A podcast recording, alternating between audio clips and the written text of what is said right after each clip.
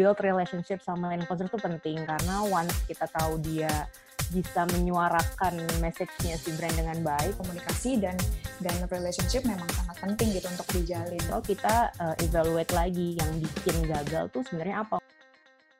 Kan melaksanakan webinar bertemakan Under the Influence Social Content Special Edition. Dalam digital marketing, salah satu strategi yang kian menjamur adalah memanfaatkan kehadiran influencer. Biasanya, para influencers adalah kelompok orang yang memiliki banyak followers atau tingkat engagement yang tinggi. Ketika ia menyuarakan sesuatu, audiens akan mendengarkan dan berpotensi meniru tindakan dari influencer tersebut. Inilah pentingnya influencer bagi sebuah brand atau perusahaan yang bekerja sama dengan mereka. Oke. Okay. Oke, okay, untuk pertanyaan yang pertama adalah kendala apa sih yang sering dialami perusahaan dalam bekerja sama dengan influencer? Nah, ini uh, silakan ya dari Kak Stella mau jawab, Kak Fajrin, Kak Tita, atau Kak Ines, feel free saja kalau mau berpendapat ya. Uh, mohon bisa di okein, kita udah request untuk ini. Ya. Tadi apa pertanyaannya maaf Vera? Uh, pertanyaannya adalah kendala apa kendala apa yang sering dialami perusahaan dalam bekerja sama dengan influencer? Oh, Oke. Okay.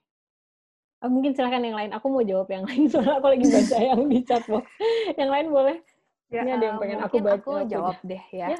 Boleh, Karena boleh, menurut aku cukup relatable dengan field aku. Hmm. Tapi kalau sebagai brand itu definitely uh, masalah kita pasti satu uh, uh, apa ya cost ya untuk influencers karena kita sebagai brand itu pasti kita mau uh, minimize marketing budget kita uh, dan juga kalau bisa semua cost yang kita keluarkan itu efektif. Jadi apakah influencer ini efektif atau enggak?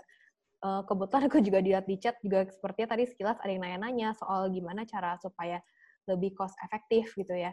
Kalau uh, aku jujur, uh, pokoknya kalau menurut aku mentalnya sebagai influencer marketer itu harus cukup kuat ya. Pokoknya kalau mental hmm. aku tuh saat aku uh, ngobrol sama influencers, mental aku tuh the worst they can say is no. Jadi saat dengan punya mental ini ya kalau kita mau nego apa pun jangan malu, jangan ragu-ragu, coba aja tanya. Yang penting kita tanya dengan sopan, boleh nggak uh, kita negosiasi harga kamu? Kamu ada nggak harga uh, paket atau apa?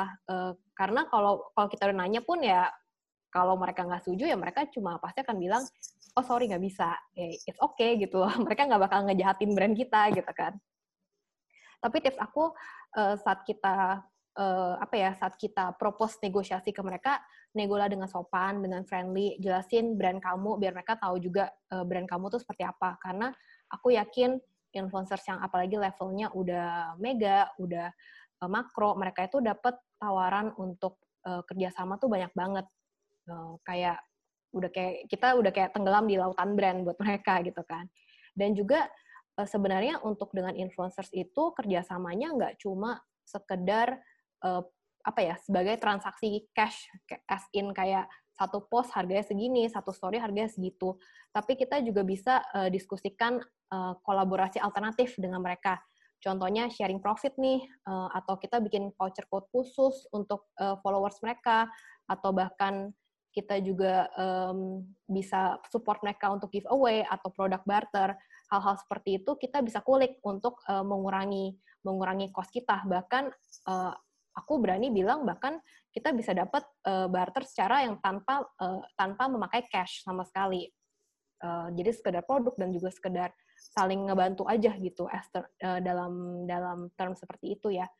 Dan juga nggak cuma itu kalian harus ingat untuk build long term relationship sama uh, influencersnya. Jadi jangan cuma bayar mereka sekali terus kalian juga hilang gitu aja. Tapi uh, menurut aku saat kita berteman dengan influencers ini kita akan mendapat additional benefit lah dari mereka. Mereka juga akan lebih senang bekerja sama sama kita akan memberikan keringanan juga secara budget ke kita. Contohnya kalau misalnya mereka ulang tahun we can do simple stuff kayak ngasih kue, ngasih birthday treat ke mereka, sesuatu yang nggak perlu terlalu mahal gitu. Atau juga kalau misalnya ada mereka ada acara tertentu, kita bisa kayak, eh ini yuk kita bantu support nih pakai produk kita buat kamu bikin giveaway atau apa, atau bikin competition, itu juga bisa. Uh, dan again, kalau mereka masih nolak, ya ingat the worst they can say is no, kamu bisa thank you next, mulailah ke influencers lain, atau kalian juga bisa consider uh, micro dan nano influencers. Itu sih kode aku hmm. kalau soal cost ya. Oke, menarik banget. Jadi kalau kata Castella tadi lebih ke cost sama kalau nego tuh nggak boleh malu gitu ya, harus berani gitu. Sip, sip, sip. Oke, kalau dari kakak-kakak lain gimana? Silakan mau berpendapat.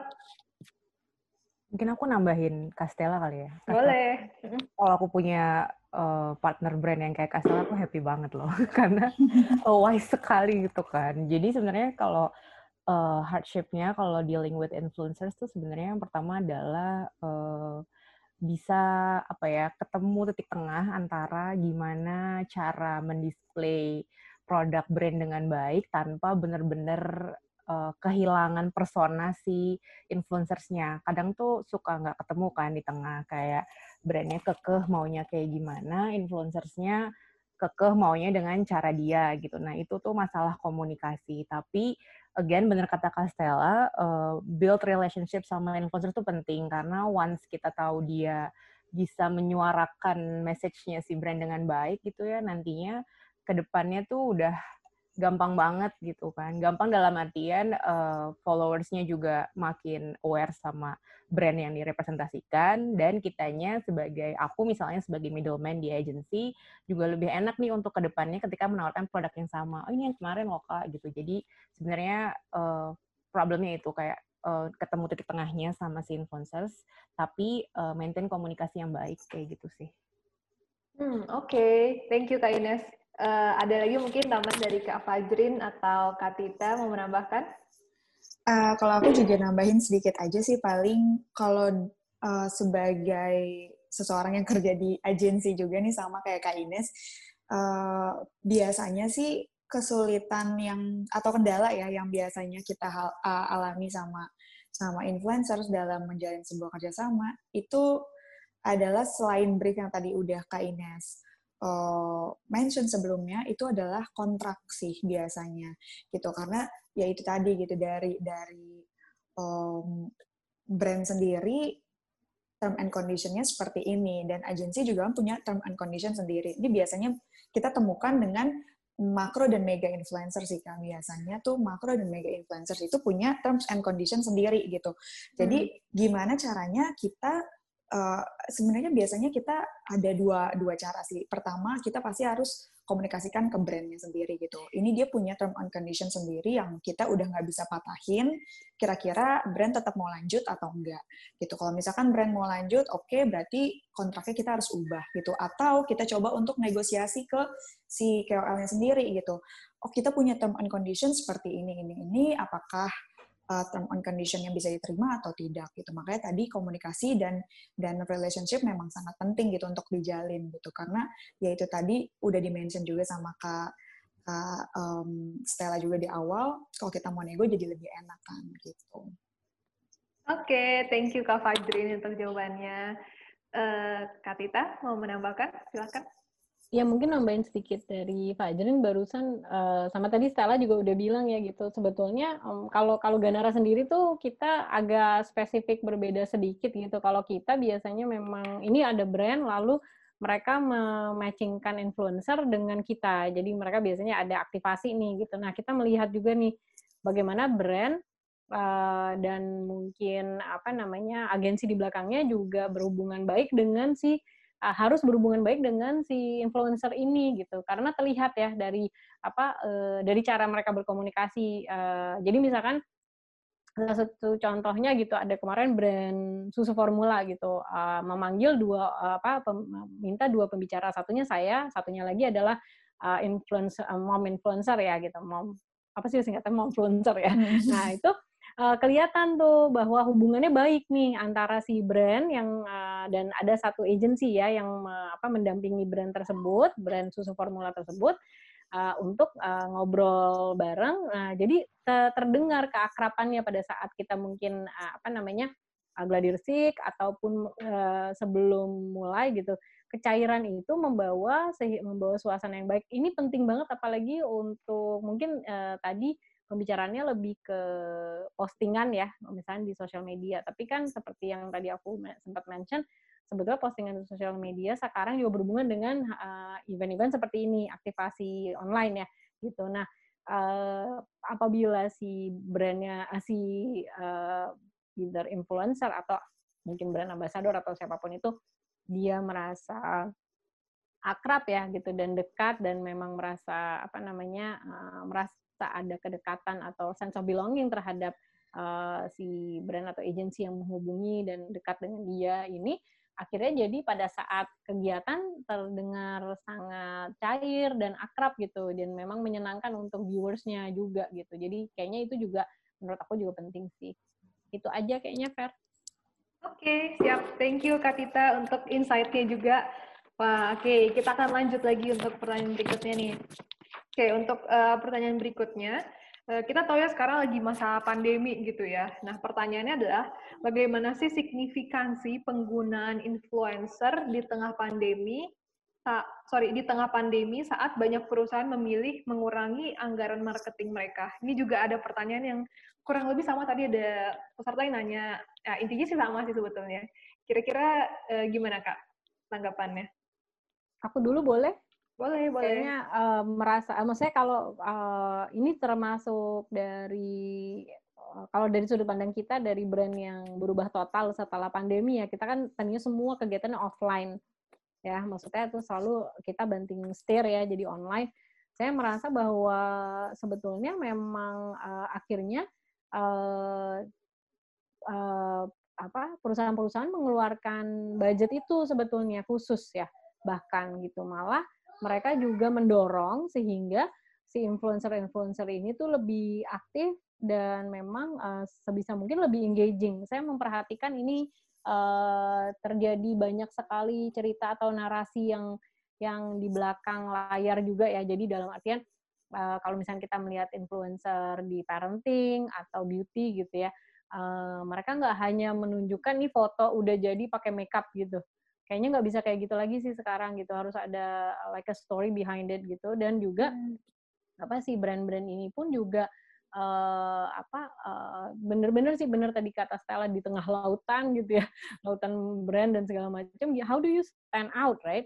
Gitu. Nah uh, di mana semua orang sekarang go digital? Karena kan nggak bisa ketemu nih gitu. Nah malah malah menurut aku jadi brand uh, kalau mereka bisa memahami bahwa memang you have to go digital at this era ya pasti mereka uh, akan uh, me, apa ya menginvestasikan lebih banyak uh, mungkin uh, dana marketing ke situ malah kalau menurut aku ya. Mungkin yang lain ada pendapat lain atau silakan silakan kakak-kakak yang mau menambahkan Paling tambahannya ini kali ya benar kata Mbak Tita tadi bahwa justru kita berpikirnya kayak wah dampak pandemi ini bakal ngaruh nih ke ke kita atau ke brand gitu ya, maksud saya di agensi gitu. Mm. Tapi ternyata justru uh, brand-brand ini mulai shifted ke digital dan akhirnya dia punya alokasi budget sendiri yang tadinya beberapa apa ya vertical uh, subject atau vertical business yang kita kira nggak akan bisa menjamah ke digital ternyata mereka pun akhirnya approach kita untuk uh, minta suggestion, minta uh, gimana caranya kita bisa engage dengan influencers dan bisa bantu kita di masa pandemi ini intinya sih kayak gitu. Hmm. Jadi bener banget nggak ada bukan dibilang nggak ada pengaruhnya sama sekali gitu ya atau turun gitu nggak. Kalau saya sih di di saya di point of view saya di agensi justru kita malah uh, didatangi oleh beberapa brand yang justru uh, ibaratnya minta pertolongan lah untuk bisa reach out orang melalui digital karena kan sekarang banyak yang WFA dan segala macam kan jadi ya itu. Oke, okay, thank you Kak Ines. Uh, mungkin uh, Kak Fajri atau Kak Stella masih mau menambahkan? Uh, kalau aku tambahin ya seperti aku udah mention sebelumnya juga memang bener sih tadi kata si uh, Kak Fajrin bilang justru saat lagi pandemi gini menurut aku uh, semakin banyak orang juga malah bertambah uh, di uh, untuk mengendorse influencers karena kebaikan hmm. orang di sosial media. Jadi audiensnya itu uh, malah lebih banyak spend time di sosial media. Jadi saat-saat yang tepat daripada kita spend budget di um, out of home atau apa itu lebih baik di di sosial media aja kita kuatkan digital marketing kita dan juga untuk um, ngomongin uh, cost mungkin aku ulang lagi kita bisa propose nih kolaborasi alternatif gitu. Uh, kita bisa sharing profit, bisa uh, ajak influencers ini menjadi affiliate dan bahkan kalau uh, bisa relatable ke Halo-Halo sendiri, kita juga influencers kita malah semakin makin banyak yang kita kontak, tapi juga kita ngeluasin tuh uh, micro dan nano yang masih oke okay dengan produk barter. Dan juga kita kalau kita sih mindsetnya ya kita startup brand kita juga mau sama-sama bertumbuh gitu. Jangan cuma kita yang bertumbuh kita juga mau komunitas um, uh, micro dan nano influencers bertumbuh jadi kita ajak mereka ngobrol kita ceritain value brand kita dan uh, kita ajak mereka yuk grow together bareng kita nah itu mereka juga uh, pasti banyak micro uh, dan nano influencers yang tertarik untuk ngebantu kamu dan another tips justru banyakkan uh, mega influencers tuh sekarang lagi ngasih uh, quote and quote harga pandemi loh gitu. You never know gitu. Uh, kalian tanya-tanya aja gitu. kadang-kadang kadang-kadang ya kita sendiri kaget gitu kok tiba-tiba seorang selebgram ini yang udah followersnya sekian juta eh ternyata ngasih harga yang miring sekali untuk endorse mereka dan itu akan cukup membantu sih untuk brand-brand baru. Hmm, oke. Okay. Wah, menarik. Saya baru tahu ternyata ya. Harga pandemi. oke. Okay. Kalau dari Kak Fajri ada tambahan? Silakan Kak.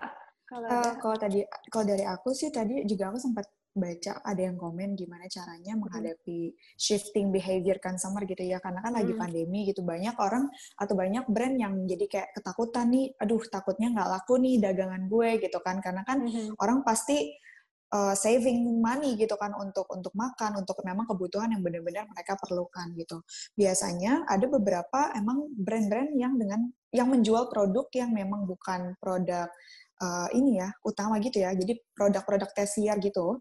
Biasanya kita uh, ini sih dalam menciptakan sebuah campaign biasa kita pasti research terus juga kita tanya goalsnya apa terus yang make sense seperti apa. Terus juga uh, biasanya peran agensi di sini benar-benar dilihat karakter-karakter influencer yang seperti apa yang akhirnya bisa mendatangkan potensial buyer gitu untuk si si brand tersebut gitu. Jadi benar-benar dilihat nih, benar kata Castella tadi di awal, benar-benar dilihat influencer ini uh, sejalan gak ya sama brand atau produk yang kita jual gitu. kira kira-kira dan jangan ambil satu list aja gitu. Kita ambil beberapa sampel list gitu. Dari uh, 5 sampai 10 influencer seperti apa sih konten yang uh, menarik perhatian para followersnya gitu. Karena saya lihat di Instagram di TikTok meskipun lagi pandemi tapi uh, yang belanja tetap banyak gitu. Yang beli barang tetap banyak gitu. Menurut saya itu dia kunci dari kreativitas si KOL yang kita pilih gitu. Gimana caranya dia mengemas sebuah konten menjadi sebuah uh, alat untuk menginfluensi orang-orang itu akhirnya mau jadi beli gitu. Jadi research lagi itu penting banget Hmm, oke, siap. Terima kasih. Oke, kita akan lanjut lagi ke pertanyaan berikutnya. Oke, pertanyaan berikutnya adalah, oke, jadi influencer itu kan tadi seperti yang sudah dijelaskan Kak Ines ya di awal ya. Jadi banyak banget sebetulnya jenisnya gitu ya. Tadi ada micro, makro, nano, sama power deh kalau nggak salah ya. Nah itu kan uh, banyak nih jenis-jenisnya ya. Uh, nah Eh, masing-masing itu oke okay, sorry infrastruktur kan banyak banyak jenis. Masing-masing itu cocok untuk jenis produk layanan atau perusahaan yang seperti apa. Bagaimana kita menentukan jenis influencer yang tepat untuk uh, usaha kita. Silakan sebentar saya bantu mute dulu. Oke saya coba jawab kali ya. Sebenarnya hmm. kalau tier influencer apa yang cocok sama produk apa itu uh, agak kurang tepat ya menurut saya karena kita cocokinnya tuh adalah persona si influencersnya dengan hmm. produknya seperti apa gitu, bukan tiernya. Tiernya ini juga berlaku, tapi kita fokusnya itu dulu kayak value-nya influencersnya tuh ketemu nggak sama value si brandnya. Karena kalau kita cuma fokus sama jumlah followersnya dia, tuh belum tentu itu bisa cocok dengan objektif kampanyenya. Jadi penyesuaiannya tuh nggak cuma based on followers aja gitu. Kayak misalnya kita mau uh, promote uh, misalnya susu bayi, kita kan nggak mungkin uh, pilih kayak misalnya oke okay, kita mau makro influencers tapi makro influencers yang kayak gimana? gitu kan. Berarti kan butuhnya mom influencers tadi gitu kan. Atau uh, misalnya kita mau promote soal uh, make up yang untuk remaja kita maunya ngambilnya micro influencers, tapi kan terus ada spesifikasi lainnya lagi. Jadi sebenarnya banyak hal yang mesti dicocokkan. Tapi yang paling utama dari saya adalah personanya, value-nya cocok nggak sama uh, apa yang brand uh, inginkan gitu dan uh, sesuai juga nggak sama objektif kampanyenya gitu. Oke, okay. thank you Kak. Dari yang lain apa ada tambahan? Silahkan kalau menambahkan atau kita. Oh, oke, okay. aku mungkin nambahin sedikit ya. Mm -hmm. Mungkin kalau untuk tier sendiri itu lebih kepada bukan kategori atau produk apa yang cocok ya. Jadi lebih kayak goals-nya itu mau apa gitu. Dan melihat juga uh, budget dari brand itu sendiri juga gitu. Misalkan kita goals-nya oke, okay, kita tahu kalau mega influencer itu engagement-nya pasti kecil. Kenapa? Karena dia udah terlalu banyak followersnya. Kalau dia mau masih mau masih maksudnya ada beberapa influencer mega memang yang IR-nya masih oke, okay. tapi kebanyakan yang IR-nya itu pasti sudah jauh lebih kecil ketimbang uh, makro atau mikro influencer gitu karena followers dia sudah tinggi sekali dia interaksi sama uh, followersnya itu sudah jarang sekali gitu jadi balik lagi goals kita sebagai uh, brand atau produk yang kita mau promosiin itu apa apakah hanya awareness aja atau kita mau ada engagement juga nih kita mau uh, produk kita tuh dimention di komen misalnya ada yang nanya ini belinya di mana gitu ya itu kita mau si influencer itu tolong sempetin jawab gitu. Mungkin hmm. bisa uh, lebih kepada kita pakai um, mikro atau makro influencer gitu. Tapi kalau untuk mega rasanya uh, susah ya untuk untuk mengharapkan engagement yang tinggi seperti itu sih. Hmm, Oke, okay. thank you Kak Fajrin. Oke, okay, kita ada lagi mungkin tambahan atau kita move on ke pertanyaan berikutnya? Oke, okay, kita lanjut aja ya ke pertanyaan berikutnya. Oke, okay. oke. Okay. Pertanyaan berikutnya nih. Um, oke, okay. ketika goals dari proses influencer marketing belum bisa tercapai, langkah apa sih yang sebaiknya diambil, baik uh, dari perspektif brand maupun agensi influencer?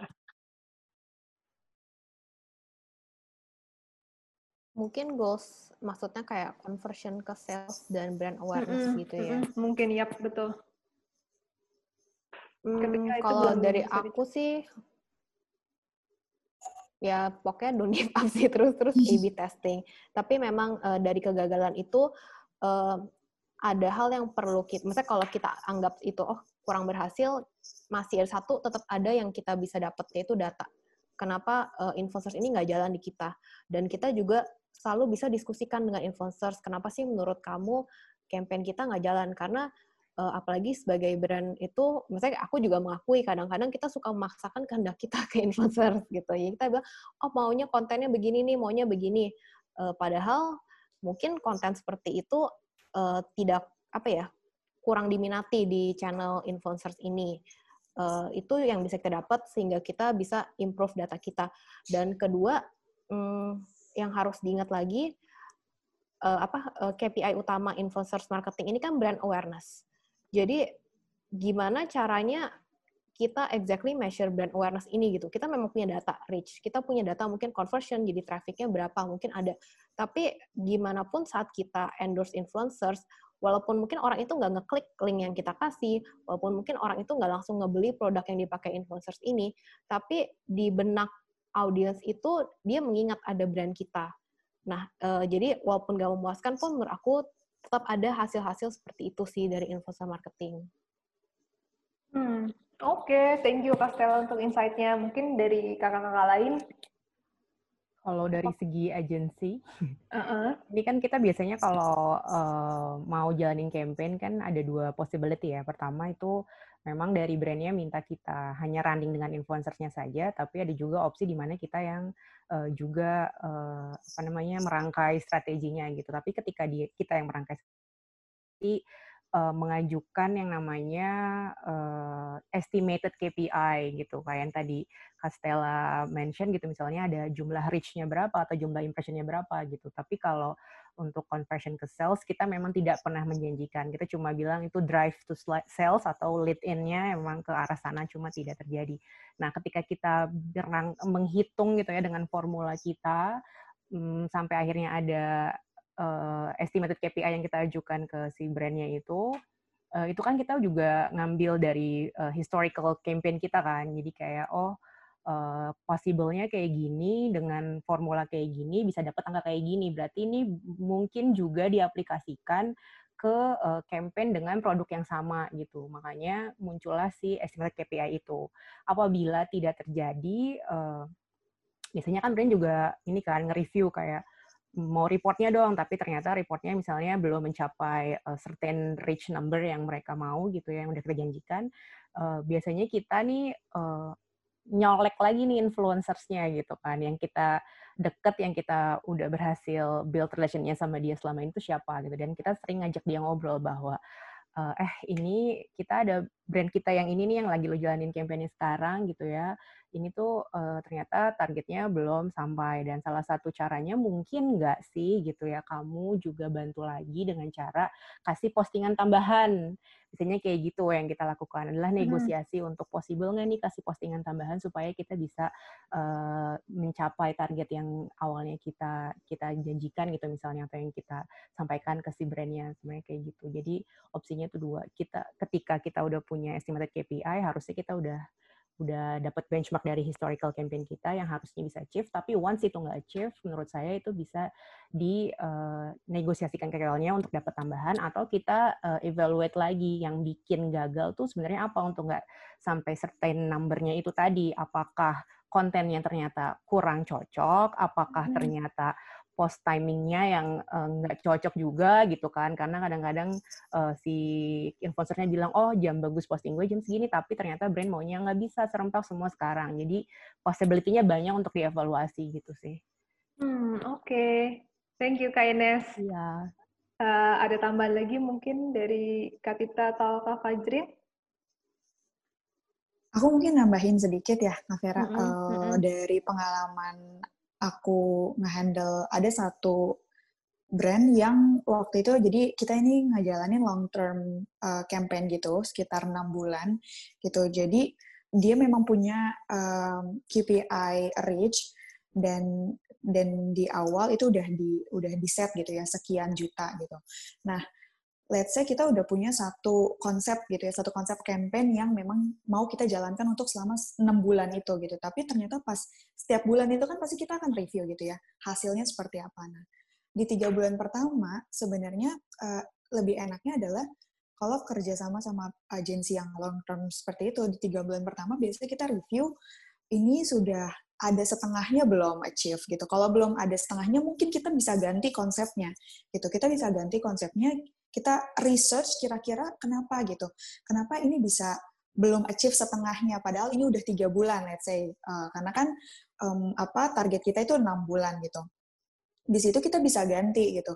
Bisa ganti konsep uh, kampanyenya itu menjadi mungkin lebih lebih seperti gimana atau lebih uh, timeline postingnya menjadi seperti apa itu bisa kita ganti yang akhirnya mungkin harapannya adalah bisa ngebus atau bisa catching up gitu sama KPI yang kita udah set di awal seperti itu sih. Hmm oke, okay. nah ini ada cara lainnya berarti bisa ganti konsep juga gitu ya. Oke okay, oke, okay. thank you. Uh, dari Katita apa ada tambahan? Enggak, nggak apa-apa. Apa-apa. Oke, okay. kalau gitu kita lanjut lagi ya. Oke, uh, masih ada beberapa pertanyaan yang sebetulnya sudah kita siapin, tapi ini udah menarik banget nih kayak di kolom chat box. Jadi mungkin aku mulai sedikit bacain ya, ada beberapa pertanyaan yang akan saya paparkan juga dari teman-teman. Um, oh ya, mau menginfokan juga buat teman-teman, nanti yang mau bertanya langsung, kita akan buka kesempatan nanti ya. Jadi kalau misalnya nanti teman-teman mau uh, bertanya langsung kepada para panelisnya, bisa nanti menggunakan aplikasi Hand ya, yang ada di bawah sebelah kanan tinggal resen aja, nanti kita akan bantu untuk unmute gitu. Oke, ini saya akan bacain dulu, uh, ada yang masuk. Oke, ini dari Kak Remon dulu nih, terakhir. Kak Remon Tanoto. Uh, bertanya kepada Kak Stella, mau nanya dong, menurut kakak, bolehkah approach influencer yang punya identity yang beda dengan brand kita? Contohnya misalnya brand kita tuh agak serius, tapi kita kepengen banget approach influencer yang lucu-lucu gokil gitu. Oke, gimana kira-kira? Tapi yang lain mau ngasih masukan juga boleh, silakan. Oke. Uh, Oke, okay. kalau aku boleh uh, ini aku baca lagi pertanyaannya. Hmm. Kalau menurut aku sih nggak masalah, apalagi tapi ini juga tergantung ya brand kamu ini apa dan influencersnya itu seperti apa gitu. Uh, tapi menurut aku uh, kan kita juga mau reach new audience, jadi menurut aku it's okay tapi um, jangan sampai itu jadi one time thing karena aku juga banyak lihat brand fashion yang kesannya uh, high end tapi uh, atau mungkin yang kayak ya, di quote and quote serius tapi mereka juga mulai uh, meluas ke uh, influencers-influencers yang komedian, influencers-influencers yang uh, kontennya padahal uh, kreatif gitu. Tapi itu juga mungkin sesuatu yang kalian bisa diskusikan dengan tim campaign kalian. Apakah kalian tuh mau dari serius uh, mengambil ke influencers uh, yang selucu apa, segokil apa influencersnya dan gimana supaya uh, message yang kalian berikan ke influencers itu nggak terlalu jomplang dengan message yang kalian berikan uh, di brand kalian. Dan juga again yang aku bilang itu jangan cuma jadi sekali doang, jangan cuma sekali dua kali doang, tapi kalau memang kalian mau nunjukin, oh kita tuh juga meluas loh, kita nggak cuma main di uh, brand-brand yang serius gitu, tapi kalian juga uh, melakukan secara cukup konstan. Jadi orang juga tahu, oh ternyata brand kalian ada sisi gokilnya juga ya, ada sisi lucunya juga kalau dari pengalaman aku dulu aku di uh, fashion brand yang lumayan uh, yang high end yang high apa ya, fast fashion lah gitu jadi uh, kalau kalian kenal Pomelo Fashion brand Thailand tapi uh, setelah beberapa tahun kita memperkuat di fashion influencers, akhirnya kita juga merambat ke influencers-influencers yang lifestyle, yang ke food blogger, karena kita pengen uh, memperluas audience reach kita. Jadi menurut aku kalau menurut uh, dari pertanyaan Karemon, menurut aku boleh-boleh aja sih kamu approach ke influencers-influencers lucu yang nggak pernah kamu uh, approach sebelumnya, tapi uh, disatukan dulu visinya dengan tim campaign kalian. Oke, berarti kalau sekali-kali boleh gitu ya. oke, oke, sip. Uh, dari kakak-kakak lain mau menambahkan, silakan aku nambahin sedikit mungkin ya. Boleh, uh, boleh Kak Tita. Sebetulnya lebih ke brand identity-nya harus kuat dulu juga sih kayaknya Raymond ya. Apa namanya kalau misalkan memang udah kuat, mohon maaf ada azan.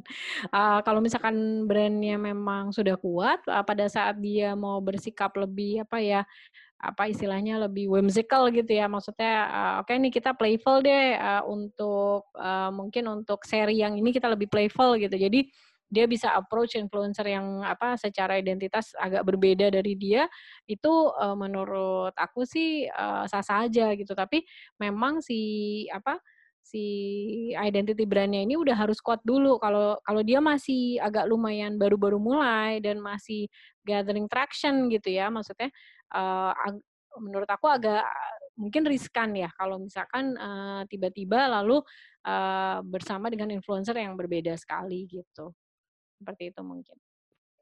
Hmm, oke. Okay. Jadi brand identity-nya sendiri tuh harus kuat dulu ya di awal ya. Oke, okay, oke. Okay. Dari Kak ini atau Kak Fajrin ada tambahan? Nggak ada ya? Oke, okay. Kak Fajrin juga? Oh, oke. Okay. Nggak ada. Sip. Kita akan lanjut ke pertanyaan berikutnya. Oke. Okay. Sip. Ini ada pertanyaan dari Kak Munawar Ali. Oke, okay. uh, pertanyaan adalah sebagai anak muda, bagaimana agar kita lebih kreatif khususnya ketika anak muda terjun ke dalam dunia influencer. Apakah kita harus menggali dan menciptakan tren-tren atau kita mengikuti saja tren-tren yang sudah ada? Nah, oke. Okay. Um, mungkin aku mau jawab dari pertanyaannya ke Munawar Ali ya. Uh, kalau dari sisi apa namanya anak muda yang baru mau terjun gitu ya istilahnya mau jadi influencer nih gitu. Sebenarnya pertama itu adalah kita harus tahu dulu nih kita tuh passionnya apa gitu ya. Jadi jangan mikirin dulu aduh nanti gue kalau di endorse dapat berapa ya? Gitu jangan dulu. Uh, yang paling penting adalah apa sih yang kita mau sharing ke uh, audience? Apa sih yang mau kita uh, bagiin ke publik gitu ya?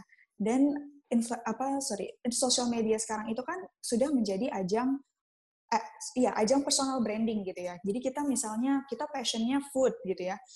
Uh, yang kita posting memang rata-rata misalnya ya makanan, review makanan atau tempat makanan baru gitu. Secara tidak langsung itu nanti pun orang akan melabelkan uh, social media kita itu sebagai misalnya food blogger atau food reviewer gitu atau misalnya uh, passion saya tuh musik gitu jadi ya udah gitu intinya adalah temuin dulu passionnya apa terus cari nilai dari passion kamu yang mau kamu sharing tuh apa terus mulailah interaksi gitu sama followers kamu gitu. Follow uh, kira-kira kalau aku bikin konten ini sama konten ini lebih menarik mana ya atau kalian lebih suka mana ya? Tapi bukan berarti uh, opini mere opini followers kamu itu sangat menentukan siapa kamu ya enggak gitu. Tapi adalah gini passion kamu apa tanya dari passion kamu yang paling disukain tuh apa sih sama followers kamu gitu jadi ada sesuatu yang memang kita bisa share gitu kita bisa bagikan ke uh, teman-teman di sosial media kita gitu. Jadi jangan jangan lulu pikirin oh gue harus uh, begini nih karena trennya lagi ini. Enggak juga gitu. Uh, just be you aja gitu pokoknya. Hmm, oke, okay. sip. Thank you Kak Fajrin. Mungkin ada tambahan dari kakak-kakak lain ya? Sebentar ya. Mungkin aku nambahin Fajrin sedikit. Kayaknya memang juga uh, karena ini kan agak lumayan apa ya uh, akan menjadi semacam title kita juga gitu influencer gitu berarti it influences people uh, dan bagaimana bagaimana sebetulnya kita bisa konteksnya adalah memberikan dampak sih jadi mungkin uh, apa pun yang nanti akan kita pilih gitu uh, bukan saja yang memang lagi tren gitu tapi kita juga mungkin bisa memikirkan sebetulnya ini dampaknya akan berpengaruh nggak ya pada orang lain secara positif gitu. Jadi uh, di antara sekian hal yang mungkin kita lagi pilih-pilih nih gitu yang ternyata bisa memberikan dampak positif uh, dan meluas tuh yang mana gitu. Karena uh, sepertinya ini it's a global trend ya every everyone wants to stay more positive gitu di antara apa kondisi yang lagi cukup berat gitu nah jadi semua yang memang membawakan hal-hal yang positif tuh sepertinya akan lebih menyala juga gitu dan um, mungkin kita memikirkan seperti itu ya dampak positifnya seperti itu. Hmm, oke okay, oke, okay. thank you Kak Tita. Dari Kastela atau Kak Ines apa ada tambahan? Uh, mungkin aku tambahin dikit dari perspektif uh, brand. Uh, jujur, uh, sekarang influencers kan udah banyak banget yang tadi aku bilang udah semakin bertambah dan aku juga yakin Kak Fajen, Kak Ines, Kak Tita juga udah kalau melihat influencer pasti udah makin banyak yang mirip dan juga jadi bosen gitu lama-lama sorry itu saya gitu kan hmm. jadi uh, aku untuk uh, yang lagi beraspirasi untuk menjadi influencers ya coba kamu pikirkan value apa sih yang bisa kamu berikan ke followers kamu ke brand gitu uh, ikut-ikutan tren it's okay gitu tapi uh, kalian juga harus tahu uh, apa ya ke, ke sesuatu yang khusus apa yang bisa dari dari kamu gitu dan Contohnya kok kamu seperti Kak Fajar bilang, passionnya apa? Contohnya kamu olahraga. Ya kamu banyaklah posting mengenai olahraga menjadi sebuah rutinitas. Jadi kalau one day ada brand yang mencari uh, seseorang yang ahli di bagian olahraga atau seseorang yang ahli uh, expert di bagian masak gitu, uh, mereka langsung tahu, uh, mereka akan langsung ingat kamu gitu daripada kamu semua ngikutin tren. Jadi isi feed kamu tuh uh, it's a mix of everything. Menurut aku lebih baik kamu fokus ke satu dan uh, show that value uh, ke followers dan uh, dan brand. Dan jangan menyerah. Hmm. it's hard, tapi just keep consistency. Hmm, oke, okay. thank you Kaides ada tambahan atau kita lanjut? Oh, nggak ada. Oke. Okay. kita akan lanjut ke pertanyaan berikutnya nih. Oke, okay. ini pertanyaan dari Kak Yosefin Suhanto. Halo Kak, mau tanya bagaimana sikap brand ketika menghadapi influencer yang ternyata melanggar atau tidak melakukan hal sesuai dengan brief dari perjanjian yang dilakukan, or even worse, case-nya dia nggak bisa dikontak atau mengabaikan komunikasi dengan kita setelah perjanjian. Nah, mungkin atau nggak pernah nggak ngalamin hal yang sama, terus mungkin bisa sharing Kak, apa yang dilakukan? Uh, aku coba bantu jawab ya. Untungnya sih aku nggak pernah sampai ketemu influencers yang kabur gitu. Tapi mungkin ada uh, beberapa kali kejadian uh, influencers, contoh kita udah minta begini, udah kasih brief uh, begini, tapi mereka nggak uh, ngejalanin. Tapi sebenarnya lebih hmm. karena esensi mungkin mereka lupa detailnya gitu. Uh, paling ya kita sih kita akan uh, ya open aja ke mereka. Kita akan langsung uh, kontak eh kamu lupa loh di hashtagnya kurang ini atau kamu tuh di postingnya kurang satu loh. Eh harusnya kamu posting di tanggal segini. Atau bahkan kalau perlu sehari sebelum mereka post kita kasih reminder kamu post ya jangan lupa besok jam begini ingat ya kita kasih reminder ulang. Uh, dan kalau mereka masih uh, tidak sesuai menurut aku kita sih juga harus tegas ya. Kita sebagai influencer marketing memang kita diekspektasi untuk bisa bersosialisasi dengan dengan baik dengan mereka, harus um, apa ya diplomatic skillnya keluar deh gitu sama mereka supaya bisa build long term relationship. Tapi tetap kita ada kewajiban ke brand. Uh, jadi kita tetap harus tegas saat mereka seharusnya post sesuatu dan mereka enggak. Uh, we have to tell it to them dan minta uh, some sort of buk ya bukan pertanggungjawaban lah gimana uh, tapi misalnya contohnya yang tadi kayak bilang contohnya coba uh, di post lagi dong kalau gitu gitu atau hmm. um, ya kalau kamu kasih aku ekstra post lagi dua kalau gitu atau gimana kalian negosiasi lah dengan influencersnya. Oke, okay. thank you Kak Stella untuk uh, insight-nya dari Kak Fajrin, Kak Tita, atau Kak Ines. Kalau dari aku mungkin karena agensi kita cukup banyak kasus kayak gitu ya. Mungkin Fajrin juga banyak mengalami gitu. Kayak awalnya kita approach influencers ini gitu karena kita ngerasa dia cocok sama si brandnya gitu. Terus kita mm. udah ada apa ya ibaratnya kayak uh, perjanjian di awal lah, tapi masih belum pakai kontrak misalnya gitu. Tapi terus di awal approach kita memang bilang kayak oh konsepnya kita belum final, tapi once ada yang final kita akan uh, apa namanya kita akan share gitu ya. Tapi uh, boleh nggak nih kita ada hitam di atas putih dulu biar lebih enak ngeloknya kayak gitu. Tapi once ternyata dia ngelihat final briefnya, terus dia ngerasa oh ini kayaknya kurang cocok deh sama saya atau saya waktunya nggak ada atau wah harusnya kalau briefnya kayak gini rate-nya nggak segini oh itu banyak banget kasusnya kayak gitu dan biasanya kita uh, coba negosiasi pasti gitu kan karena biasanya uh, itu udah dia pro sama brand kan ketika kita udah mulai percakapan sampai sedalam itu gitu. Nah kalau misalnya dia negosiasi dia nggak bisa, kita udah pasti uh, discuss juga lagi pasti ke brandnya oh kendalanya kayak gini gini gini gitu kan. Hmm, kalian mau nggak kalau kita offer replacement? Karena biasanya kita tuh kalau mengajukan influencer ke brand kita nggak pernah ya brand minta lima kita kasih lima itu kita nggak mungkin. Kita pasti kasihnya lebih banyak gitu ya. Karena kita tahu hal-hal kayak gini udah pasti akan terjadi gitu somehow. Makanya kita selalu prepare for the worst gitu. Begitu dia nggak mau kita uh, udah ada gantinya langsung. Jadi kita nggak cuma bilang oh ada kendala terus ya udah gitu tapi kita mengajukan kendala bersamaan dengan solusinya gitu jadi kendalanya A ini solusinya loh mau dipilih atau enggak biasanya kayak gitu sih kalau hmm. Oke oke, Kak Ines, thank you. Dari Kak Fajrin ada tambahan? Aku nambahin sedikit sih, paling uh, gini, untuk menghindari, kalau emang benar kata Kak Ines gitu ya, di, di dari sudut pandang agensi, memang kita setiap bikin campaign pasti ada aja lah gitu uh, potensi influencer yang kayak gini gitu. Tapi kalau misalnya kita boleh jaga-jaga gitu ya, kalau kayak let's say biasanya aku sering banget sih bermasalah sama influencer itu di timeline juga gitu ya.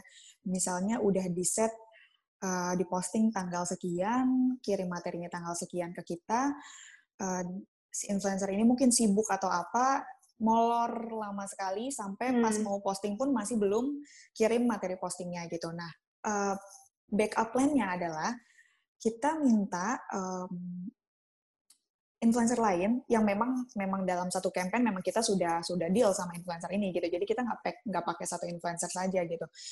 Si influencer ini sebagai backup plan bukan backup plan ya sebenarnya jadi backup posting gitu. Mungkin kalau misalkan si influencer A ini belum kirim kita bisa pakai materi posting si influencer B aja dia dulu yang yang naik gitu karena udah approve sama brand gitu kan. Jadi nggak nggak terpaku sama satu influencer aja gitu. Untuk menghindari hal-hal seperti ini gitu nantinya untuk untuk di timeline posting. Seperti itu sih. Sama satu lagi paling bisa uh, biasanya sih untuk makro dan mega influencer ya yang emang harganya itu sudah uh, fantastis gitu ya. Biasa kita bisa nego gitu. Jadi uh, kita nggak bayar dulu di awal, mungkin kita bisa 50-50, jadi sampai dia sudah menyelesaikan pekerjaannya, at least sampai dia kirim materi postingnya ke kita, baru kita bisa bayar dia sepenuhnya gitu. Untuk apa? Untuk ngikat gitu. Uh, hmm. jangan sampai kita udah bayar semuanya terus tiba-tiba dia nggak ada kabar gitu. Padahal ini uang nggak sedikit gitu kan. Makanya biasanya kita sangat negosiasi sama uh, influencer-influencer yang memang biayanya um, agak mahal gitu ya. Jadi untuk di dua kali uh, bayar gitu. Kalau bisa after posting, after posting aja bayarnya gitu. Jadi udah dia menyelesaikan pekerjaannya secara benar, secara secara uh, komplit gitu ya, baru kita bayar gitu. Jadi untuk menghindari uh, permasalahan-permasalahan yang kayak gitu.